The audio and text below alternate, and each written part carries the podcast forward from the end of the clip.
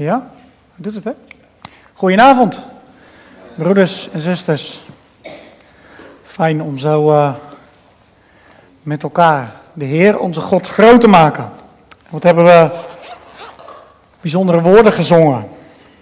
Als Hij komt met luid geschal, weet ik dat Hij mij kennen zal.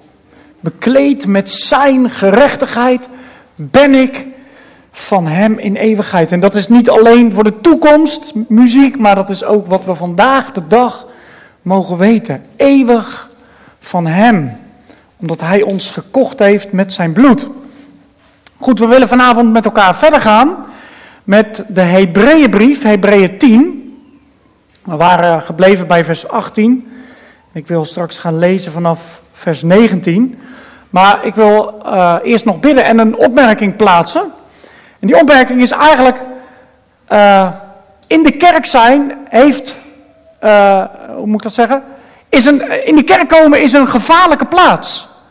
Het is niet zo dat je in de kerk komt en dat je daar, um, hoe moet ik het zeggen? Uh, zonder verantwoordelijkheid komt. De boodschap die tot je komt, die heeft gewicht. En we gaan daar vanavond ook met elkaar over nadenken. En dat heeft zulk een gewicht dat het een eeuwige consequentie heeft. Wat je met die boodschap die je in de kerk hoort doet. En daarom wil ik je ook echt de mogelijkheid geven. Je kan ook weggaan. Als je niks met die boodschap van plan bent daarmee te gaan doen, dan kan je beter opstappen. En kan je beter zeggen: Oké, dan neem ik die verantwoordelijkheid niet op, maar ga ik weg. Die mogelijkheid wil ik je dus geven. En uh, als u zegt: Ik blijf hier wel, dan ben ik natuurlijk heel blij dan gaan we ook echt bidden dat de boodschap van vanavond en het woord van onze God, wat Hij ons gegeven heeft, diep in ons hart zal raken, zodat we ja, de ernst ervan zullen proeven. En uh, dat we de oproep, laten wij, laten wij, laten wij en laten wij, vier keer, vier oproepen krijgen we vandaag met ons mee, dat we daar ook gehoor aan zullen geven en uh, daar wat mee zullen doen. Heere Hemelse Vader, wij willen u hartelijk danken dat we samen mogen zijn in de naam van onze Heer Jezus Christus. Heere, we hebben van u gezongen. Heere, en wat worden we blij als we eh, van u zingen. Als we uitspreken dat u onze hoop bent. Dat u ons anker bent, dat u onze vesting bent. Dat u onze schuilplaats bent bij wie we mogen schuilen. En dank u wel, Heere, dat we vanavond mogen horen vanuit uw woord. Heren, dank u wel dat elk woord van u is ingegeven en dat elk woord nuttig is om te weerleggen, om te verbeteren en op te voeden in de rechtvaardigheid, opdat de mens die u toebehoort volmaakt zou zijn. En we bidden, heren, dat uw woord vanavond zo zal, zal rondgaan en zo zal neerdalen in onze harten. Dat het onderwijs zal zijn. Dat het um, weerleggingen zal tegenspreken in ons hart. En dat we uh, alle dwaling als het ware uit ons hart zal wegnemen. Heer, en dat het ons zal verbeteren en opvoeden in de rechtvaardigheid. Heer, en we willen deze avond tegen u zeggen. We willen in de rechtvaardigheid wandelen en volmaakt zijn voor u. En dank u wel dat het mogelijk gemaakt wordt door uw Heilige Geest. En we bidden, Heer, daarom dat uw Heilige Geest vanavond alle ruimte krijgt. Door mij heen om uw woord te verkondigen. Maar ook, Heer, om uw woord neer te dalen in ons hart. Heer, u heeft het zelf gezegd, in Matthäus 13 uit mijn hoofd gezegd, dat het zaad gezaaid wordt, maar dat de boze komt en wegneemt hetgeen dat in het hart is gezaaid. Geef, Heer, dat de beslommeringen van het leven het zaad niet zullen verstikken of zullen wegnemen, maar dat uw woord tot volle wasdom mag komen, zodat wij vrucht kunnen dragen voor onze Heer Jezus Christus. Heer, we bidden dit in uw naam, in Jezus' naam. Amen. Goed, Hebreeën 10, vanaf vers 19 tot hoofdstuk 11. Omdat wij nu, broeders, en uiteraard ook zusters, vrijmoedigheid hebben om in te gaan in het heiligdom door het bloed van Jezus, langs een nieuwe en, nieuwe en levende weg die Hij voor ons heeft ingewijd door het voorhangsel, dat is zijn vlees, en omdat wij een grote hoge priester hebben over het huis van God, laten wij tot hem naderen. Met een waarachtig hart, in volle zekerheid van het geloof, Nu ons hart gereinigd is van een slecht geweten en ons lichaam gewassen is met rein water. Laten wij de beleidenis van de hoop onwrikbaar vasthouden, want hij die het beloofd heeft, is getrouw. En laten wij op elkaar letten, door elkaar aan te vuren tot liefde en goede werken. Laten wij de onderlinge bijeenkomst niet nalaten, zoals het bij sommigen een gewoonte is. Maar elkaar aansporen en dat zoveel te meer als u de grote dag ziet naderen. Want als wij willens en wetens zondigen, nadat wij de kennis van de waarheid ontvangen hebben, blijft er geen slachtoffer voor de zonde meer over. Maar slechts een verschrikkelijk, verschrikkelijke verwachting van oordeel en verzengend vuur, dat de tegenstanders zal verslinden. Als iemand de wet van Mozes te niet gedaan heeft, moet hij sterven. Zonder barmhartigheid. Op het woord van twee of drie getuigen. Hoeveel te zwaarde straf, denkt u, zal hij waardig geacht worden die de Zoon van God vertrapt heeft en het bloed van het verbond, waardoor hij geheiligd was, onrein geacht heeft en de geest van de genade gesmaad heeft. Wij kennen immers hem die gezegd heeft, mij komt de wraak toe. Ik zal het vergelden, spreekt de Heer. En verder, de Heer zal zijn volk oordelen. Vreselijk is het te vallen in de handen van de levende God. Maar herinner u de dagen van vroeger, waarin u, nadat u verlicht was, veel strijd in het lijden hebt verdragen. Nu eens werd u zelf door smaad en verdrukking tot een schouwspel gemaakt. Dan weer deelde u het lot van hen die zo behandeld werden. Want u hebt ook medelijden gehad met mij in mijn boeien. En beproeving van uw eigendommen met blijdschap en vaart. In de wetenschap dat u voor uzelf een beter en blijvend bezit in de hemelen hebt. Werp dan uw vrijmoedigheid niet weg, die een grote beloning met zich meebrengt. Want u hebt volharding nodig, opdat u na het volbrengen van de wil van God de vervulling van de belofte zult verkrijgen. Want nog een heel korte tijd, en hij die komt zal komen en niet uitblijven. Maar de rechtvaardige zal uit het geloof leven. En als iemand zich onttrekt, mijn ziel heeft in hem geen behagen. Wij zijn echter geen mensen die zich onttrekken en daardoor naar het verderf gaan, maar mensen die geloven tot behoud van hun ziel. Tot zover. Amen. Als ik me goed kan herinneren, heb ik een van de vorige preken over de Hebreeënbrief gezegd. Dat uh, het, de Hebreeënbrief onder andere bestaat uit een aantal hoofdstukken met vooral onderwijs, een beetje technisch, een beetje misschien soms ook wat moeilijk onderwijs. En ik heb toen het voorbeeld aangehaald van een menselijk lichaam dat bestaat uit vlees en botten. En soms is het gewoon nodig dat als het ware onze botten gebouwd worden door technisch onderwijs, door theologie, door uh, misschien onderwijs wat we niet direct gelijk kunnen toepassen in ons leven. Maar dat is nodig om ons menselijk lichaam sterk te maken. Als wij geen botten zouden hebben, dan zouden we in elkaar zakken als een pudding. En als we altijd onderwijs zouden krijgen wat ons vlees als het ware zou opbouwen, dan hebben we dus geen botten. Dus we hebben beide kanten van, van Gods woord eigenlijk nodig. Dus de ene kant hebben we soms gewoon technisch onderwijs nodig, hebben we moeilijke dingen, begrippen en Dingen die we eigenlijk met elkaar hebben doorlopen. En we hebben dingen nodig die als het ware ons vlees opbouwen. Dat maakt ons een compleet lichaam. Dat maakt ons een compleet mens. En wat was dan dat technische wat we allemaal hebben geleerd en wat we hebben besproken en hebben gezien in de Hebreeënbrief? Nou, allereerst, als zou ik het kort moeten samenvatten, dan hebben we gezien, Jezus is groter, is meer, is heerlijker alles van Jezus is grootser. hij was meer dan de engelen. Hij was meer dan Aaron. Hij was meer dan Mozes. Hij was naar de orde van Melchizedek de grote hoge priester geworden. En hij was eenmaal met zijn bloed de hemel doorgedrongen. Met zijn eigen bloed. Het hemelhof wat niet met handen was gemaakt. We hebben dat hele tabernakel met elkaar bestudeerd van wat gebeurde daar en hoe kwamen de priesters in het heiligdom binnen met het bloed. En er was maar één manier. Er was bloed nodig. En zo was Jezus met zijn eigen bloed de hemel doorgedrongen. Er was een nieuwe weg geopend. En de laatste preek, hoofdstuk 10, het eerste gedeelte, heb ik gezegd: oké, we gaan nu eigenlijk het technische gedeelte afsluiten. Dat hebben we dus de vorige keer gedaan. En we gaan nu, kunnen we datgene wat we geleerd hebben over Jezus, gaan we toepassen in ons leven. Gaan we toepassen in onze leven, levenswandel met de Heer. En zo begint vers 19. Omdat.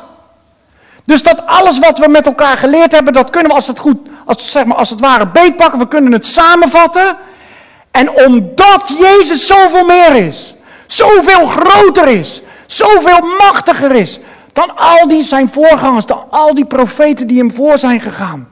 Omdat Jezus, de hoge priester, de enige met de hoofdletter, de hemel is doorgedrongen.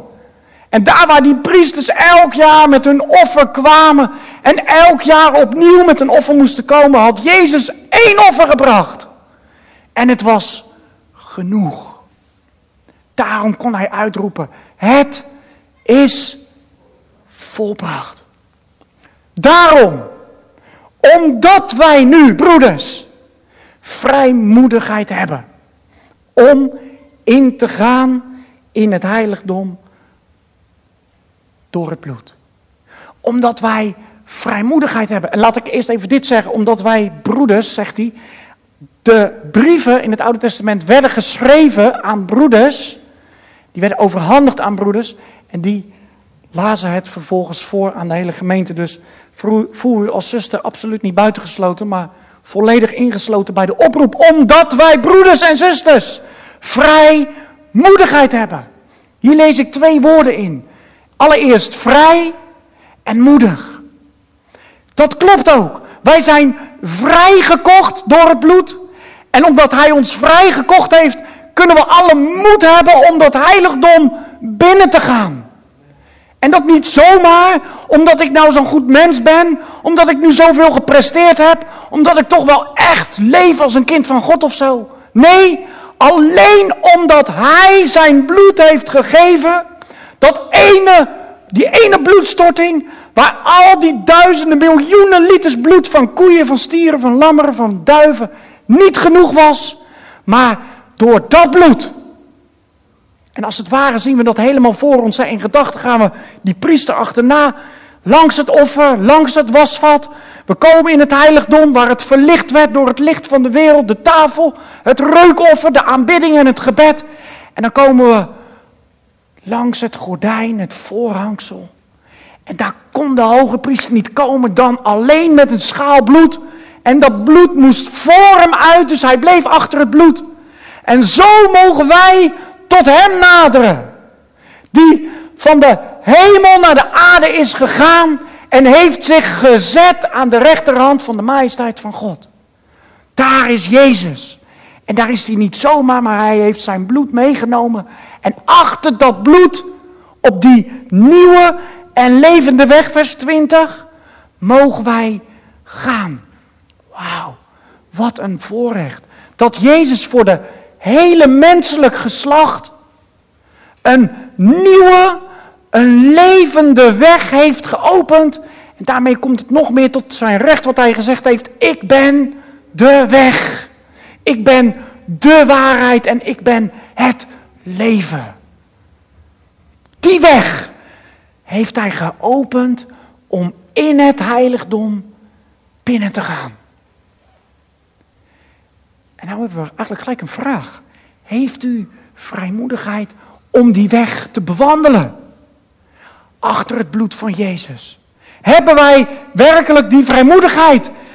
Gebruikt u, maakt u daar gebruik van, van die levende weg die geopend is. En die nog steeds geopend is. Die weg waarin hij als het ware staat, kom tot mij. Allen die vermoeid en belast zijn en ik zal jullie rust geven. We mogen gebruik maken van het bloed wat gegeven is. En dan staat er iets heel moois. Hij heeft voor ons ingewijd door het voorhangsel, dat is door zijn vlees. weet u, jullie kunnen dat misschien wel herinneren dat ik toen gezegd heb, dat was een, een, een, een gordijn dat was zo dik als de hand van een man. En dat was van boven vandaan naar beneden toe gescheurd. Op het moment dat Jezus uitriep, het is volbracht, toen scheurde dat voorhangsel van boven naar beneden. Het was onmogelijk. Zo'n dik, voor, zo'n dik gordijn, dat zou, als zou het scheuren, zou het onder vandaan scheuren. Maar God was dat als het ware die vanuit de hemel zei, en nu wordt de weg geopend. En dat werd niet zomaar gedaan, maar eigenlijk staat er dat gordijn, dat was Jezus lichaam. Zijn vlees werd door de midden gehakt, werd door de midden gekliefd als het ware. zoals het geschreven staat door de profeet Jezaja. Het behaagde de Heere hem te verbrijzelen. Dat gebeurde er daar op Golgotha. En dat heeft hij niet zomaar gedaan, maar dat heeft hij gedaan voor het menselijk geslacht. Zodat hij een weg zou openen, zodat het menselijk geslacht tot hem kon naderen. In het Oude Testament was dat onmogelijk. Niet in te denken dat we tot een heilige God konden naderen. En nu roept de Hebreeën schrijver, die roept ons als het ware op en hij roept die Hebreeërs, die Joodse gelovigen in de Heer Jezus, roept hij op. Laten we met vrijmoedigheid die nieuwe en die levende weg bewandelen. Laten wij ingaan in dat heiligdom.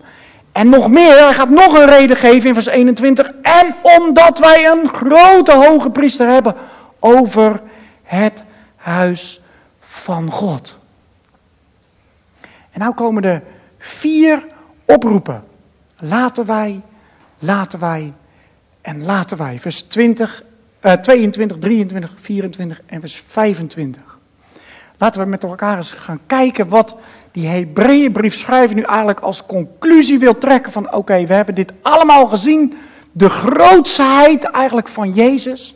Van wat hij gedaan en bewerkt heeft. En nu het volgende. Laten wij tot hem naderen. Nou, ik heb daar natuurlijk al eigenlijk met het eerste gedeelte wat we besproken hebben al. Laten wij vrijmoedig gebruik maken. Maar nu zegt hij, laten wij tot hem naderen met een waarachtig hart. Laten wij tot hem naderen in waarheid. Ik kan me herinneren dat, we, dat ik ooit wel eens gepreekt heb met de um, opdrachtdienst van de kinderen van Harold en Renske. En dat we toen hebben nagedacht uit de Petrusbrief over toneelspelen. Dat Petrus zei, leg het af. Weet je, hoe kom je naar God toe? Kom je om als het ware aan je broeders en de zusters tijdens een bidstond te laten zien hoe geestelijk je bent? En, en doe je je eigen heel anders voor als dat je werkelijk bent? Of kom je echt met waarheid? En dat vind ik soms ook wel gewoon echt heel mooi. Als je soms gewoon proeft in iemands gebed dat hij het ook gewoon even niet weet. Dat hij het ook gewoon even niet snapt. Of dat hij ook gewoon eens echt roept, Heer, help, want ik heb het op dit moment niet. En misschien zijn dat voor jullie soms ook in mijn ogen, juist die mannen waar je van zegt, die wil ik juist navolgen, want dat zijn voor mij zulke godsmannen of zulke godsvrouwen. Laten wij tot hem naderen met waarheid. Weet je, we gaan geen spelletje spelen naar God toe alsof we zeggen van nou, ik ga me zo mooi voordoen. En terwijl het eigenlijk gewoon eigenlijk verrot is van binnen, bij wijze van spreken. Maar laten wij tot hem naderen met een waarachtig hart. En ik kan me herinneren, in het Oude Testament staat ergens dat God verlangt naar waarheid. God wil dat wij in waarheid wandelen.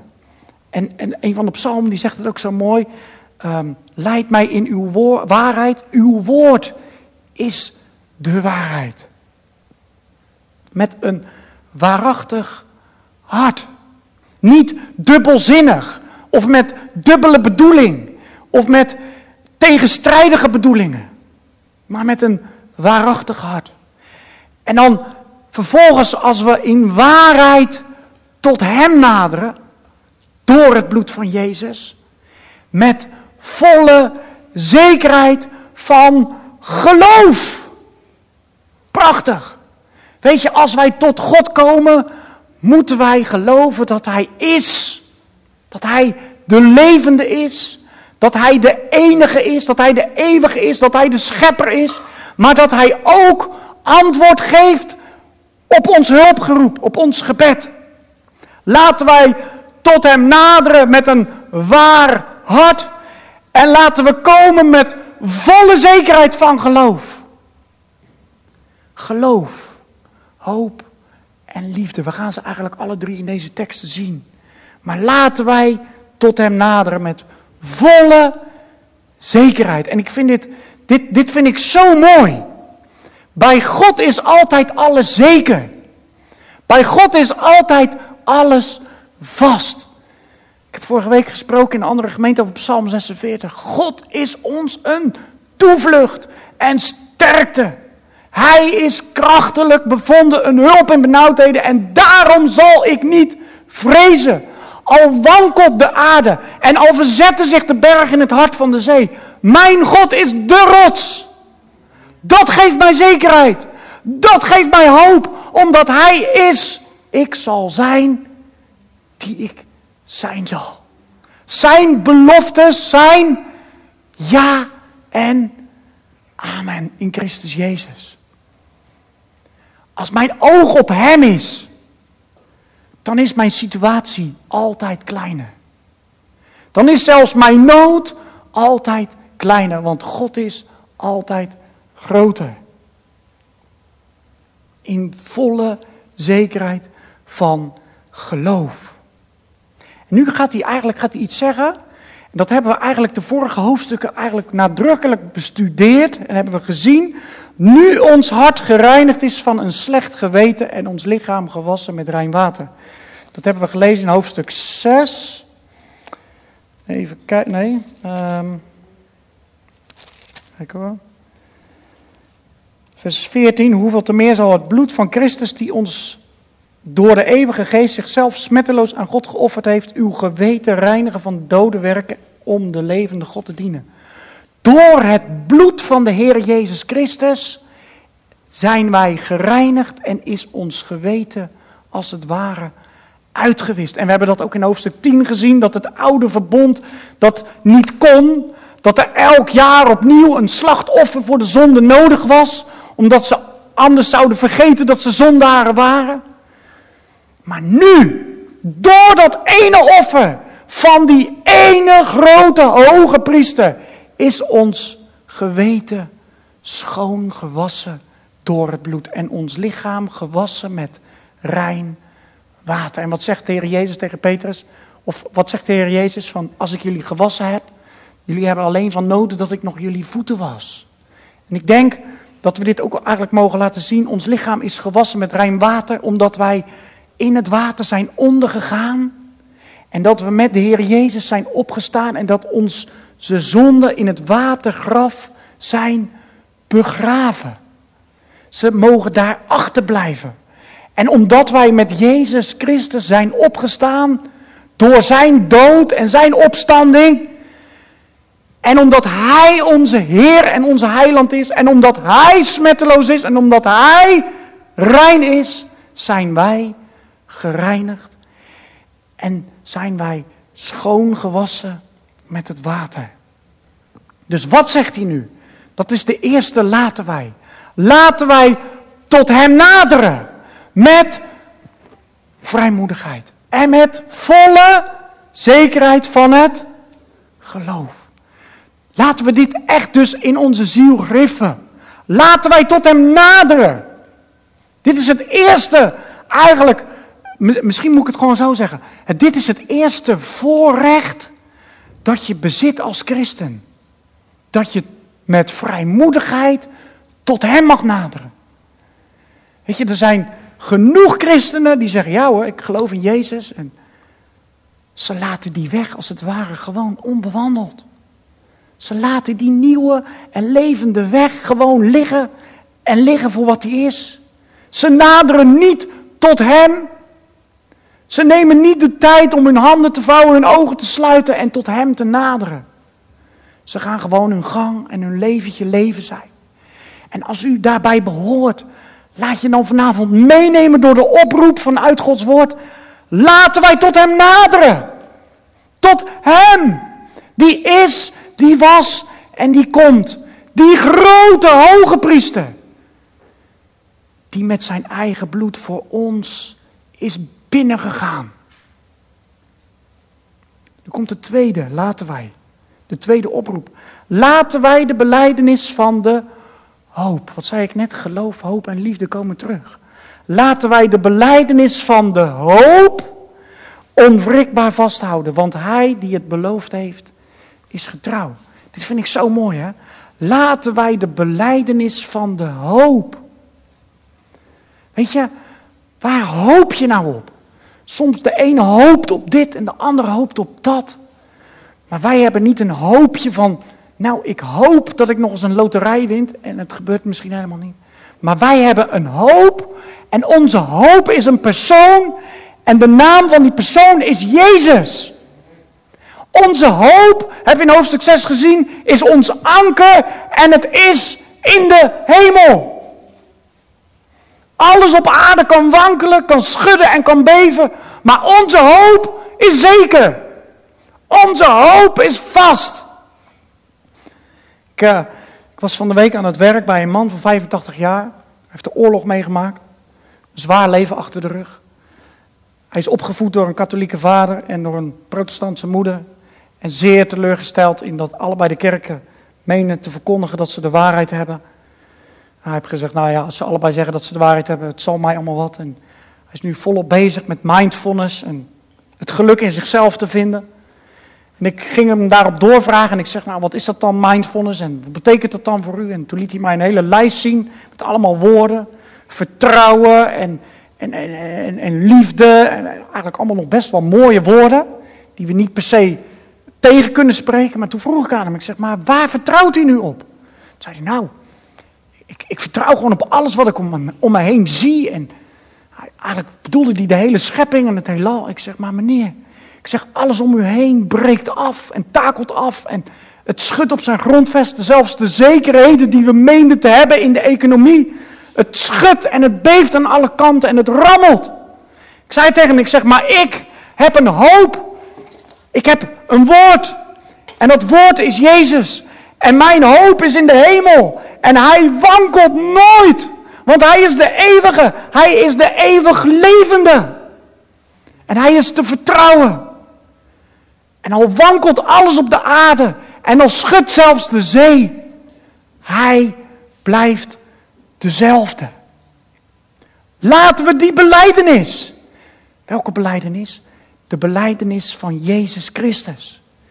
Die gekomen is om zondaren te redden en zalig te maken en eeuwig leven te geven. Jezus Christus die de onmogelijke weg tot God de Vader heeft geopend. Daar waar eerst een muur was, een gordijn, heeft hij een nieuwe en levende weg geopend. Laten we die beleidenis vasthouden. En dat niet zomaar vasthouden zoals ik wel eens iets vast heb, maar onwrikbaar. En dan zie ik als het ware zie ik een inbreker met zijn koevoet de deur losbreken. En zo zie ik soms in mijn eigen leven dat van alles en nog wat bezig is om die beleidenis van de hoop los te wrikken in mijn leven. Maar ik hou hem krampachtig, onwrikbaar vast. Ik klem mij vast aan Golgotha's kruis. Ik klem mij vast aan zijn belofte. Ik klem mij onwrikbaar vast. Zelfs als de situatie zo anders is. Zelfs als, als alles voor ogen het tegendeel lijkt te bewijzen. Uw woord is de waarheid. En daar hou ik me aan vast. Ik hou me vast aan de beleidenis en het getuigenis van Jezus Christus. Want Hij die het beloofd heeft, is getrouw. Amen. Laten wij tot Hem naderen en laten wij, als het ware, Zijn belofte, de beleidenis van de hoop, onwrikbaar vasthouden. En dan komt de derde oproep. En laten wij op elkaar letten. Door elkaar aan te vuren tot liefde en goede werken. Geloof, hoop en Het blijft een beetje stil, maar liefde. Geloof, hoop en liefde. En laten wij op elkaar letten. Dat is niet elkaar bespioneren. Dat is niet elkaar als het, als het ware achterna blijven lopen om te zien of dat je iets kan ontdekken. Maar dat betekent wel in alle afhankelijkheid met God, door zijn Heilige Geest, gewoon op elkaar te letten. Zie je een nood? Zie je een probleem? Zie je iemand die verdrietig is? Let daarop. En onderneem daar wel actie op. Let op elkaar. Daarom heeft God ook het lichaam gegeven. Let op elkaar. En steun elkaar. En dien elkaar. En wat staat er in de tekst? Vuur elkaar aan. Bemoedig elkaar. Dat hebben we, ik kan me zo mooi herinneren, die preek van uh, Leander Jansen over parakaleo, bemoedigen. We hebben dat gezien in hoofdstuk 3 of hoofdstuk 4. Laten we elkaar vermanen. Laten we elkaar aanvuren. Laten we elkaar aansporen als het ware. Laten we elkaar aanvuren. Als je ziet bij iemand is het vuur een beetje gedoofd. Hij is misschien niet meer zo vurig als dat hij was. Laten we elkaar aanvuren in liefde. En liefde is zo mooi, weet je, dat is afzien van jezelf en jezelf geven voor de ander.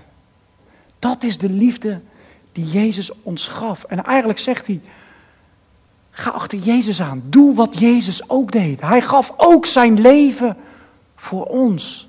Geef daarom je leven voor je broeders en voor je zusters. Laten we op elkaar letten door elkaar aan te vuren tot liefde en tot goede werken.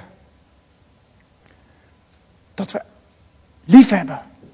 Dat we allereerst God lief hebben. Ik vond het eigenlijk prachtig, dat lied wat, is, wat we hebben gezongen. Dat we God lief hebben boven alles. En onze naaste als onszelf. Dit is het eerste en het grootste gebod. Jezus, God liefhebben boven alles en onze naaste als onszelf. En tot goede werken. Dat we niet slap en gewoon werkeloos op de bank zitten. En zullen denken, nou ja, die wijk Delfshaven, dat komt wel. Weet je, er is vanavond een oproep gedaan, ook voor de kinderclub. Als je gewoon vrije zaterdagen hebt, dan voel je geroepen om ook in liefde en in goede werken je leven te geven. Nu komt de vierde oproep. Laten wij de onderlinge bijeenkomst niet nalaten. Laten we eerst even hierbij stilstaan. Laten wij de onderlinge bijeenkomst. Het gaat niet over verschillende bijeenkomsten. We maken geen onderscheid tussen of dat we nu Bijbelstudie hebben of bidstond. Of... Laten we de onderlinge bijeenkomst niet nalaten. Laten we ze niet na. En eigenlijk zouden we deze ook heel goed kunnen betrekken bij vers 24, derde oproep. Als je er niet bent, kun je ook geen oog hebben voor de ander. En als je er niet bent, kun je de ander ook niet aansporen. Als je er niet bent, dan ben je er dus ook niet voor je broeders en voor je zusters. Dan heb je dus ook op dat moment geen oog voor je. En dit heeft alles te maken met hoe kijk je tegen de gemeente van de Heer Jezus Christus aan. Ben je gewoon iemand die een beetje rondfladdert, hier wat doet en daar wat doet? Of wil je je inzetten en invoegen in de gemeente? Dan ben je daar. Dan ben je daar om elkaar aan te sporen en elkaar aan te vuren, om elkaar aan te zetten tot goede werken. En dan ben je daar om onze God groot te maken. Laat het niet na, zegt de Bijbel. Gelukkig maar dat het niet mijn eigen woorden zijn, want dan zouden jullie kunnen zeggen, ja, jullie probeert je eigen gemeente of zo soort van uh, voor te trekken. Nee, God zegt, laat de onderlinge bijeenkomst niet na. Laat het niet na.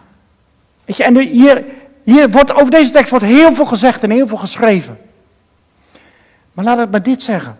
Als we het in zijn verband zien, dan zien we als het ware in de voorgaande versen een afsluiting, een conclusie die getrokken is door het werk en het offer van de Heer Jezus. En dan gaat hij ons vier losse laten wijs meegeven. Hij gaat ons vier opdrachten meegeven.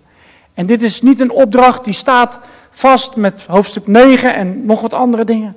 Maar hier staat: laten wij de onderlinge bijeenkomst niet nalaten. Ja, en ik heb net gezegd van. Um, uh, dit heeft alles te maken met je gemeentevisie. Als het lichaam van de Heer Jezus Christus de gemeente is, dan kan het lichaam niet zonder jou of zonder u. Het mijn lichaam kan niet zonder mijn handen en niet zonder mijn ogen. Mijn lichaam kan niet zonder mijn voeten en niet zonder mijn darmen en niet zonder mijn leven. U bent onderdeel van het lichaam van Christus. En u behoort daarbij. En u behoort dan niet dus hier wat te doen en daar wat te doen, maar u behoort in het lichaam aanwezig te zijn. En natuurlijk weet ik ook heel goed, we hebben allemaal wel eens wat. Je hebt wel eens vakantie of er kan wel eens een overwerkavond tussendoor schieten. Of, daar heb ik het niet over. Maar laten we de onderlinge bijeenkomst niet nalaten. Zoals het bij sommigen de gewoonte is. Maar elkaar aansporen, en eigenlijk kunnen we dit ook weer zien in de derde aansporing. En dat zoveel te meer als u de grote dag ziet naderen. En ik denk dat we hier allemaal, dit allemaal zullen beamen. Dat we in de tekenen van de tijd allemaal die grote dag zien naderen. We zien aan de tekenen van de tijd dat Jezus terug staat te komen. En eigenlijk zegt de Bijbel hier, we hebben het nodig om met elkaar samen te komen, om die grote dag met elkaar te verwachten. Om met elkaar dat lied te blijven zingen. Maranatha. Kom, Heer Jezus, kom spoedig. Dat ons oog gericht blijft op Jezus, zoals we hebben gezien in hoofdstuk 2. Maar wij zien Jezus met eer en met heerlijkheid gekroond. Nu gaat hij, gaat hij eigenlijk zeggen: Oké, weet je, dit gaan we afsluiten en dan gaan we. Eigenlijk zien we vanavond zien we iets superscherps. Het, het woord van God is ook scherp. We hebben dat gelezen in hoofdstuk 4. Want, vers 12, want het woord van God is levend en krachtig en scherper dan enig tweesnijdend zwaard. En het dringt door tot op de scheiding van de ziel en geest. Van gewrichten en merg. En het oordeelt de overleggingen en gedachten van het hart. En daarom heb ik voor de preek ook gezegd van weet je, ik geef je de ruimte, je mag weggaan. Want als je niks met deze boodschap doet, als je het bloed van Jezus Christus maar gewoon laat liggen voor wat het is, dan gaat de Hebreeën schrijver ons iets meegeven. En ik hoop dat het, de ernst hiervan ook echt in ons hart neerdaalt. Want als wij willens en wetens zondigen, hier gaat het niet over, ik wandel met de Heer en er gebeurt iets, ik struikel en ik sta weer op. Nee, dit is met het volle besef, met volle bewustzijn, willens en wetens ons tegen Christus verzetten. De oproep van zijn woord bewust van ons afduwen. En zeggen, ik heb hier niks mee te maken. Of ik wil hier niks mee te maken hebben. Want als wij willens en wetens zondigen, nadat wij de kennis van de waarheid hebben ontvangen. De kennis van de waarheid ontvang je, ontvang je middels de prediking van het evangelie. Een gevaarlijke plaats. Blijft er geen slachtoffer voor de zonde meer over. Weet je, we hebben vers uh, eh, 18, waar er nu vergeving is, is er geen offer voor de zonde meer nodig, hebben we gelezen. Weet je, Jezus Christus is ons slachtoffer. Hij heeft onze plaats ingenomen. Maar als je je niet wil vereenzelvigen met Hem door het geloof, dan zegt God als het ware: oké, dan zal je de straf zelf moeten dragen dan bent u het slachtoffer. Het slachtoffer. Terwijl er een slachtoffer is. Hij heeft gehangen tussen hemel en aarde. Zoals de slang in de woestijn verhoogd is, zo is Jezus verhoogd. En ieder die hem ziet door het geloof is genezen en is vrij van het antichristelijk virus, van het zondevirus, van hetgeen wat wij door Adam als het ware deelachtig zijn geworden. Als we Hem dus bewust afwijzen, dan bent u het slachtoffer.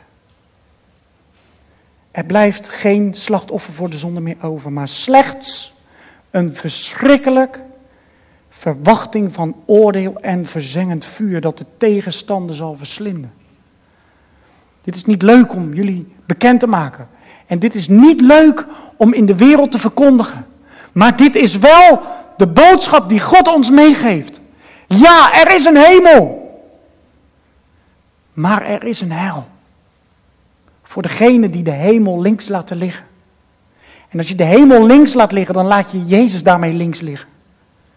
Of als je Jezus links laat liggen, dan laat je daarmee de hemel links liggen. Maar er blijft over een verschrikkelijk oordeel en een van verzengend vuur dat de tegenstanders zal verslinden. En ik zat hierover na te denken, ook over de eeuwige straf. Maar het kan ook niet anders dat God een eeuwige straf geeft. God is eeuwig. Voordat de schepping er was, was Hij er al. En alles van God is als het ware eeuwig. En als God een straf geeft, dan is het niet als een menselijke rechter, een tijdelijke straf, omdat die mens tijdelijk is. Maar omdat God eeuwig is, zijn ook zijn straffen eeuwig. En is ook zijn toren eeuwig. En daarom is ook het leven en de genade die hij geeft eeuwig. En dan gaat hij iets eigenlijk zeggen vanuit het Oude Testament. Als iemand de wet van Mozes er niet gedaan heeft, moet hij sterven zonder barmhartigheid. Kunnen we lezen in, in, in, in, in al de wetten van God. Als je, als je zonde had gedaan, dan moest je sterven op het woord van twee of van drie getuigen. Onder andere bijvoorbeeld als je overspel had gepleegd. En er waren twee of drie getuigen op hete daad betrapt, dan moest je veroordeeld worden. Denk aan de situatie waarmee die overspelige vrouw en al die mannen naar Jezus toe kwamen. Die vrouw moest veroordeeld worden. Ze was op hete daad betrapt. Dat zegt de Bijbel, het Oude Testament, er was geen barmhartigheid voor. Er was ook geen offer voor bewuste zonde. Er was geen offer voor bewuste zonde. Als wij bewust hadden gezondigd. Er waren allemaal verschillende offers. Maar geen offer voor bewuste zonde. En in de wet van Mozes was er geen barmhartigheid. En nu komt eigenlijk het meest ernstige. Nu komt als het ware dat zwaard, dat scherpe zwaard, wat doorklieft tot gewrichten en merg. Wat dwars door onze geest en door onze ziel heen snijdt. Hoeveel te meer? Hoeveel te zwaar de straf? Als de wet van Mozes als straf gaf, zonder barmhartigheid. Wat denkt u dan? Als hij het bloed van Christus vertrapt. Als hij het bloed van Christus onwaardig acht. Als hij het bloed van Jezus Christus zijn hoofd ervoor afdraait. En zegt, ik heb dat bloed niet nodig. Of bewust zegt, ik los het zelf al op. Ik ga zelf mijn goede daden mee betalen richting deze God. Als je bewust Hem afwijst, hoeveel te zwaar de straf denkt u zal hij waardig geacht worden, die de Zoon van God vertrapt en het bloed van het verbond waarmee hij geheiligd was, onrein geacht heeft en de geest van de genade gesmaad heeft. Denk om uh, het bloed van het verbond, waardoor hij geheiligd was, onreinig geacht heeft, moeten we goed zien. Dit is geschreven aan de Hebreeërs, dus de gelovige Joden. Het bloed van het verbond, dat slaat dus eigenlijk op het eerste verbond, maar ook op het tweede verbond voor ons. Wat zegt 1 Korinthe 7? Als een man en een vrouw allebei ongelovig waren, maar de man of de vrouw komt tot geloof, dan is de ongelovige door de gelovige geheiligd. In de gemeente van Jezus Christus word je geheiligd. En als je dus het geheiligde, de geheiligde gave die God jou als het ware gegeven hebt, onrein acht, Je haalt je neus voor het bloed van Jezus op. En je vertrapt als het ware de zoon van God. Dan wacht u een oordeel. Een eeuwig oordeel. En als u de geest van de genade gesmaad heeft, als je gelasterd hebt, als je hem afwijst, die op je deur klopt en zegt, zie, ik sta aan de deur en ik klop. Als iemand open doet, ik zal bij hem binnenkomen en ik zal avondmaal met hem houden. En hij met mij. Wij kennen immers hem die gezegd heeft, mij komt de wraak toe. Ik zal het vergelden, spreekt de Heer. En verder, de Heer zal zijn volk oordelen. Wij kennen immers hem. Als we kijken naar het kruishout van Golgotha, dan leren we iets te zien van wie God is in zijn oordeel. Dat zijn oordeel een verschrikkelijk oordeel is. Dat Jezus moest uitroepen, mijn God, mijn God, waarom heeft u mij verlaten? Daarom zegt Paulus ook in 2 Korinthe 5 gezegd, meen ik, laten we het even bijpakken, 2 Korinthe 5.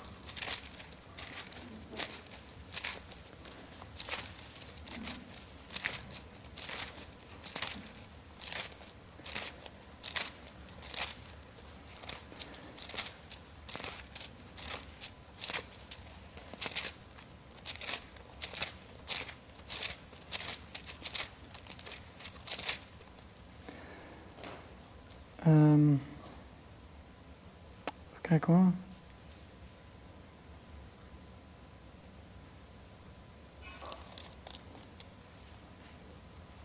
Paulus die zegt, ik kan het even niet vinden. Uh, wij dan wetende de schrik des Heren. Ik kan het nu even niet zien. Ik, ik meen dat het 2 Korinthe 5 zegt. Maar Paulus die zegt, wij dan wetende de schrik des Heren, wij bewegen de mensen tot het vers 11. Oké. Wij dan, wetende de schrik des Heren, als wij kijken naar het kruishout van Golgotha, dan kennen wij Hem en kennen wij ook zijn oordeel. En als u door het bloed van Jezus Christus bent verzoend, als u door het geloof één bent geworden met Hem, dan weet u en dan kent u Hem en dan weet u ook dat u het oordeel ontlopen bent. Dan weet u dat dat eeuwige oordeel wat op u rustte van u afgenomen is, omdat het op hem gelegd is. Wij kennen immers hem die gezegd heeft, mij komt de wraak toe. Ik zal het vergelden, spreekt de Heer. En verder, de Heer zal zijn volk oordelen. Vreselijk is het te vallen in de handen van de levende God. Maar Herinner u de dagen van vroeger, waarin u, nadat u verlicht was, veel strijd in het lijden hebt verdragen. Nu eens werd u zelf door smaad en verdrukking tot een schouwspel gemaakt. Dan weer deelde u het lot van hen die zo behandeld worden. Eigenlijk zegt de Hebreeën schrijver, herinner je nou die, die tijd en die dagen, dat je bespot werd in de naam van Jezus. Dat je verdrukking en lijden meemaakt omdat je Jezus navolgde. Dat heb je niet voor niets gedaan. Dat heb je gedaan voor Hem. En hij zegt, daarom, vers 34, daarom geloof ik ook dat Paulus de Hebreeënbriefschrijver is. Goed, daar zijn de meningen misschien een beetje over verdeeld, want dan zegt hij, want u hebt ook medelijden met mij gehad in mijn boeien. En mijn beproeving van uw eigendommen met blijdschap aanvaard. Hij zegt, herinner je nou, dit heb je toch niet voor niets gedaan. Dat heb je toch niet voor niets gedaan? Laat je aan Hem vasthouden.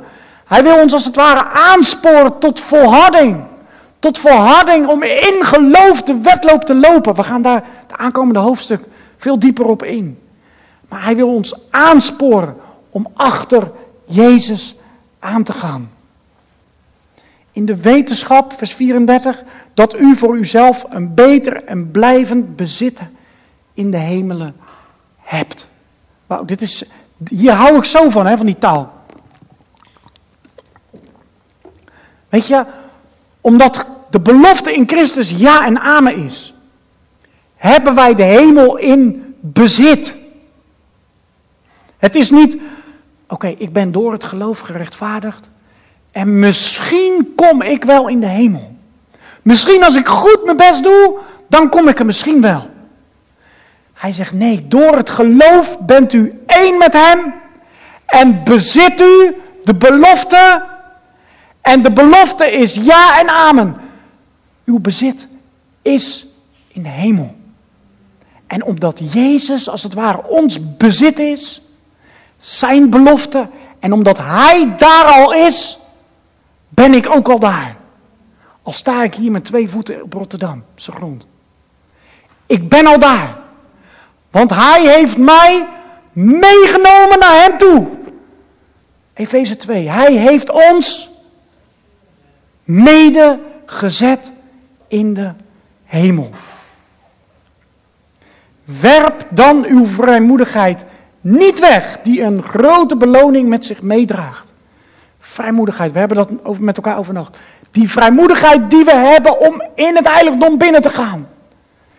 Vrij en moedig. Die een grote beloning met zich meebrengt. Misschien denkt u wel van, ik ben een beetje Calvinistisch opgevoed, dus dan denk je bijna van een beloning, dat, dat is er niet. Maar God zegt zelfs tegen Abraham, ik ben uw loon en uw schild zeer groot. De Bijbel spreekt op vele plaatsen over het loon of over de beloning. En hij zegt hier, de vrijmoedigheid waarmee we de weg kunnen bewandelen tot Hem te naderen, die heeft een grote beloning. Want u hebt volharding nodig. Die heb ik ook nodig. Die hebben we allemaal nodig.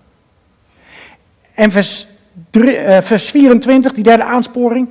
We hebben elkaar nodig om die volharding ook met elkaar volhardend die wedloop te lopen. We hebben elkaar nodig om elkaar aan te sporen, vers 24, tot, uh, tot liefde en tot goede werken. Om met elkaar die loopbaan te lopen, om met elkaar die wedloop te lopen, om met elkaar te volharden. Opdat u na het volbrengen van de wil van God de vervulling van de belofte zult verkrijgen. Want nog een heel korte tijd is 2000, 2000 jaar geleden geschreven. Als het toen al een heel korte tijd was, dan is het nu nog een veel kortere tijd.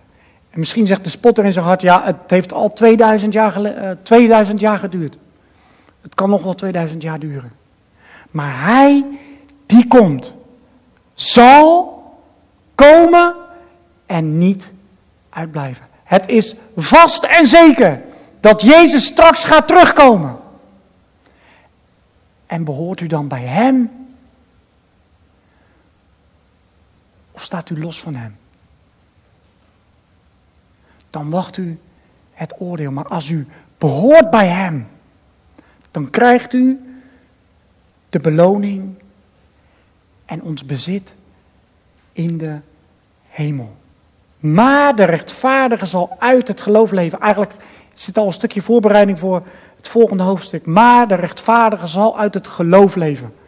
Misschien voor degene die het nog niet wist, dit is de tekst.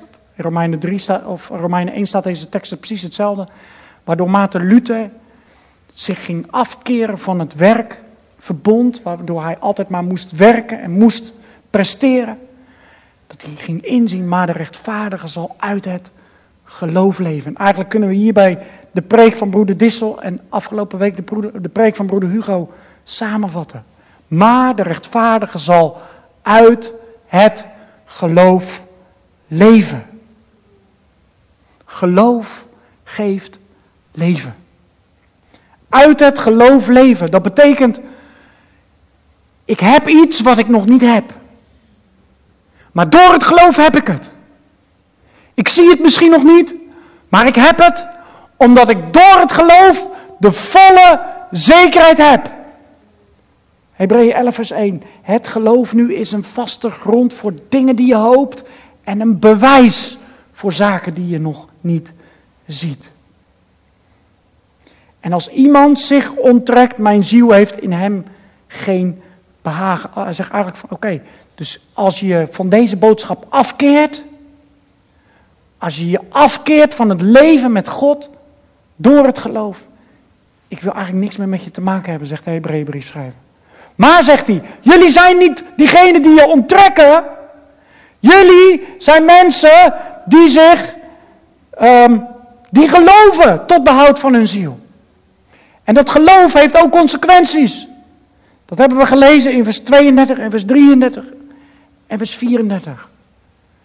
Als wij geloven hier op aarde, dan is het niet zo dat de wereld ons zal omarmen en zal zeggen: Ach, wat leuk, kom er maar bij hoor.